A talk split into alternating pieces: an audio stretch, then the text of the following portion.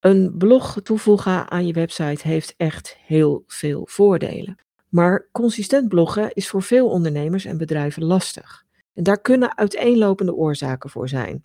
Die oorzaken en de oplossingen adresseer ik in deze podcast.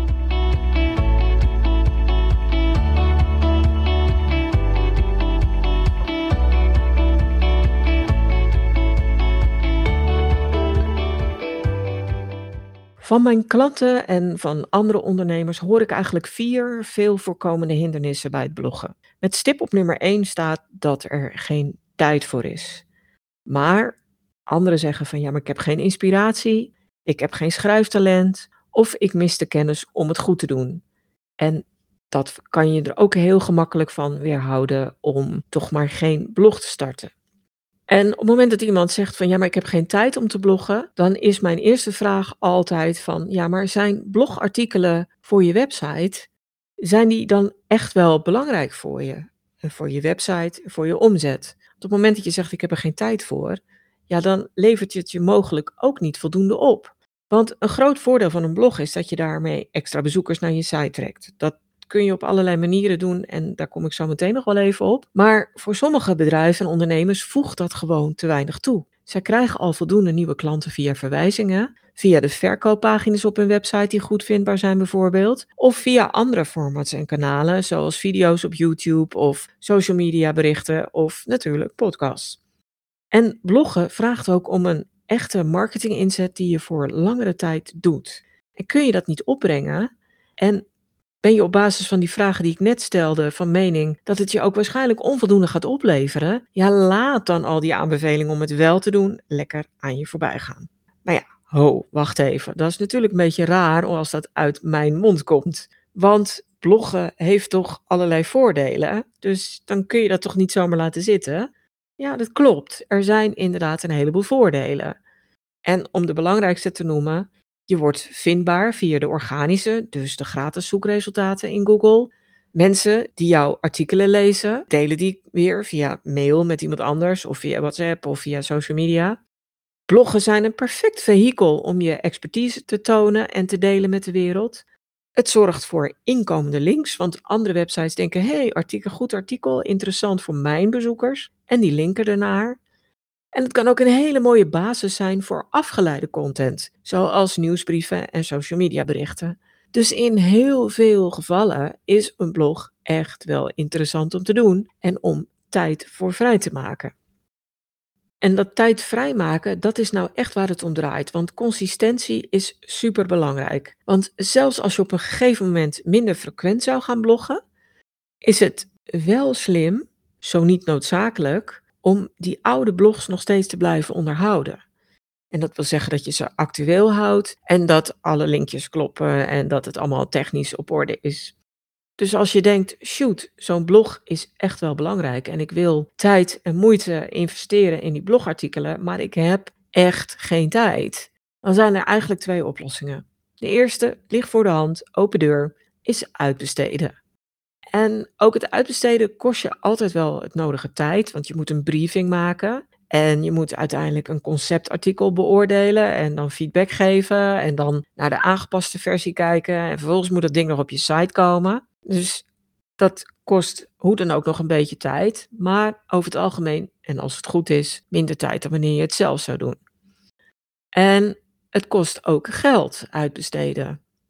Maar eigenlijk kost zelfbloggen ook geld. Die kosten zijn alleen wat minder zichtbaar. En ik moet zeggen, ik vind zelf, als je iets uitbesteedt, vind ik dat eigenlijk wel een bijkomend voordeel van wat dan ook. Want die kosten worden ineens heel erg inzichtelijk. Of je nou je boekhouding uitbesteedt of bloggen, je weet wat de kosten daarvan zijn. En de kosten die zou je kunnen besparen door het zelf te doen. Maar de tijd die dat vraagt, kun je misschien wel veel beter besteden aan allerlei acties voor je klanten, zodat je je omzet laat groeien. Dus dat is altijd een afweging. En er zijn dus ook wat nadelen aan het uitbesteden. Maar je weet dan wel A, dat het gebeurt.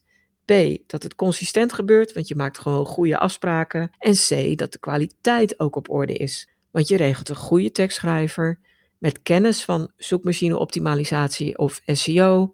En als het goed is, werken jullie dan ook volgens een contentplan of strategie. En het kan echt heel beknopt zijn hoor. Klinkt altijd ingewikkeld, maar dat hoeft het niet te zijn. Maar dankzij een goede contentstrategie en een klein contentplan ontstaat er wel een duidelijke interne structuur van die blogs, zodat ze ook gewoon een logischer geheel vormen en naar elkaar kunnen verwijzen. En zorg je er ook voor dat je blogs echt aansluiten bij de vragen en wensen van je doelgroep. Nou, zeg je van, ik heb geen tijd, maar uitbesteden vind ik niks. Dan kun je nog naar iets anders kijken. En dat je gaat kijken, oké, welke andere activiteit kan ik nu skippen of die uitbesteden? Ik noemde net al even de administratie of de boekhouding. Zodat ik daarmee tijd vrijmaak in mijn eigen agenda, waarmee ik dat bloggen wel op een goede manier kan doen. En het gewoon ook zelf kan doen. En soms is het ook nog een oplossing om een deel zelf te doen en een deel uit te besteden. Bijvoorbeeld als je weet dat je heel snel een ruwe tekst in elkaar kan draaien en wel je punt kan maken met de argumenten die erbij horen of de goede informatie kan delen, maar waarbij je zegt van ja, maar de tekst is gewoon eigenlijk nog niet goed genoeg. Misschien heb je dyslexie of misschien is schrijven gewoon niet zo je ding en dan laat je het redigeren. Dus uitbesteden kun je ook altijd in mindere mate doen. En zeker als dat redigeren voor jou de meeste tijd kost, ja, dan is dat gewoon een hele goede oplossing om alleen dat stukje uit te besteden. En dat kan echt. Er zijn hele goede tekstschrijvers die het prima vinden om jouw tekst te redigeren, in plaats van dat ze echt vanaf nul zelf een tekst opbouwen. Tot zover het aspect van geen tijd. Maar er is nog een andere hindernis als je wil gaan bloggen. En dat is dat je denkt dat je geen inspiratie hebt. En ik zei het al een beetje, je denkt dat je geen inspiratie hebt. Geen inspiratie hebben, dat overkomt echt iedereen. Mij af en toe ook nog, gek genoeg. Maar inspiratie is echt overal te vinden. Het is wel een beetje een spier die je moet trainen. Maar heb je geen inspiratie of denk je dat je geen inspiratie hebt, dan is er één hele simpele oplossing. En dat is om blogs en blogartikelen van andere websites uit je vak of branche te bekijken. Nederlandse websites, maar kijk ook eens bij de buitenlandse websites. En kijk zelfs eens bij de websites en blogs van je concurrenten. En dat doe je niet om te gaan kopiëren, maar om je op ideeën te brengen. Want als jij goed in je vak zit, dan heb je ongetwijfeld een mening over van alles. En heb je daarnaast ook allerlei kennis en expertise. Dus als je naar een blog van een ander gaat, dan krijg je ongetwijfeld ideeën. Bijvoorbeeld, hey, ze hebben het hier over onderwerp X, maar waarom noemen ze aspecten Y en Z niet? Want die zijn relevant en die mis ik hier. Of je kijkt naar een blogartikel van een ander en je denkt, alle magisch. Dit slaat echt helemaal nergens op. Of dit kan ik honderd keer beter. Zeker doen dan. En wat ook nog kan gebeuren is dat je denkt, nou, leuk onderwerp. Maar waarom brengen ze het zo en niet op die andere manier? Of waarom schrijven ze niet over zus? Dus andermans blog kan een hele goede bron van verwondering, verontwaardiging en daardoor van inspiratie zijn. Ik kom altijd op ideeën en ik geef altijd een eigen draai aan. Maar als ik naar websites van anderen kijk, denk ik altijd, ah, hè? Waarom is dit zo en waarom doen ze niet zus? En soms denk ik ook van, kanonen, wat een goed artikel is dit. En dan waag ik me er niet aan. Waarom zou ik? Maar er zijn altijd andere dingen waar ik wel een mening over heb en waarvan ik denk, ja, daar wil ik over schrijven. En op het moment dat je er een mening over hebt en echt wil schrijven, dan merk je dat ook aan de kwaliteit van een artikel. Want die inspiratie, de verontwaardiging, de verwondering of het idee, dat lees je echt tussen de regels door. En dat maakt een blogartikel alleen maar beter. Ook als je geen op- en top schrijftalent bent. Want dat is eigenlijk hindernis nummer drie ondernemers of andere mensen in het bedrijf die wel de kennis en de expertise hebben, maar zeggen van ja, ho even, ik heb echt geen schrijftalent. Het kan allerlei redenen hebben. En soms weet je ook gewoon van jezelf dat je wel goede ideeën en kennis hebt, maar dat je het gewoon echt niet op papier krijgt zoals je dat zou willen. Nou, dan kan je weer teruggaan naar het uitbesteden. En dan krijg je eigenlijk ook de volgende opties. De eerste is dat je die ruwe versie maakt en dat je die laat redigeren en optimaliseren. Ligt een beetje voor de hand. Maar waar mensen soms niet aan denken, dat is de tweede oplossing, is dat je het ook kunt inspreken. Misschien heb je geen schrijftalent, maar weet je wel heel goed welk punt je wil maken en welke argumenten erbij horen of welk verhaal daarbij hoort.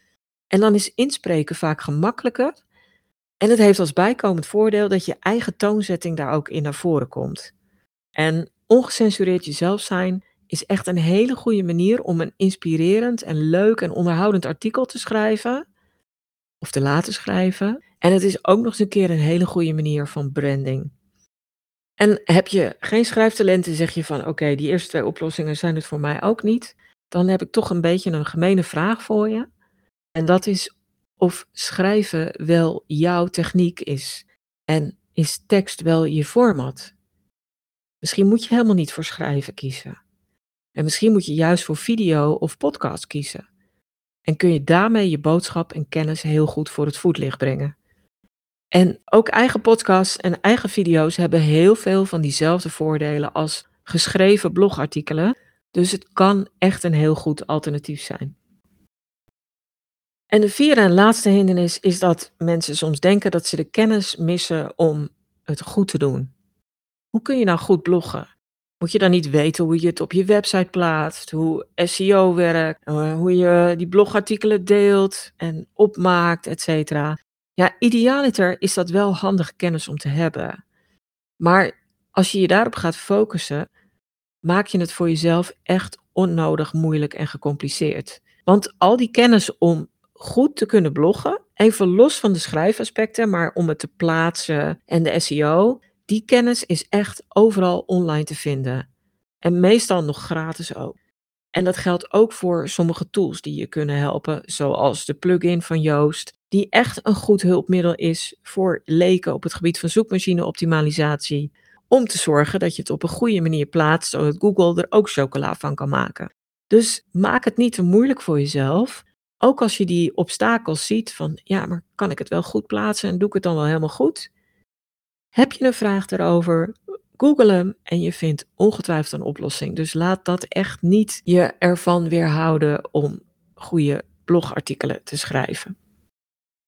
Dus samenvattend, zoals je hoort, zijn er verschillende hindernissen om te gaan bloggen, maar hebben ze ook allemaal hun eigen oplossingen om tot een effectief blog met onderhoudende, vindbare artikelen te komen. Heb je daar toch nog een vraag over of wil je advies? Dan kun je natuurlijk altijd contact met mij opnemen of kijk eens op het blog van Stroop, want daar vind je ook heel veel van het gratis advies waarmee je tot succesvolle, effectieve blogartikelen kunt komen. Dankjewel voor het luisteren. Voel je zeker vrij om deze aflevering van de Content Divas podcast met anderen te delen als je denkt dat dit van pas kan komen. En heb je zelf een handige tip of inzicht opgedaan met deze aflevering, dan hoop ik dat je een review wil achterlaten. Heb je nog meer vragen? Zoek je meer informatie? Neem dan zeker een kijkje op de website. Die vind je op stroop.nl met dubbel S. En daar vind je natuurlijk ook die handige content kennisbank waar je allerlei gratis checklists, stappenplannen, handleidingen en nog veel meer kunt vinden.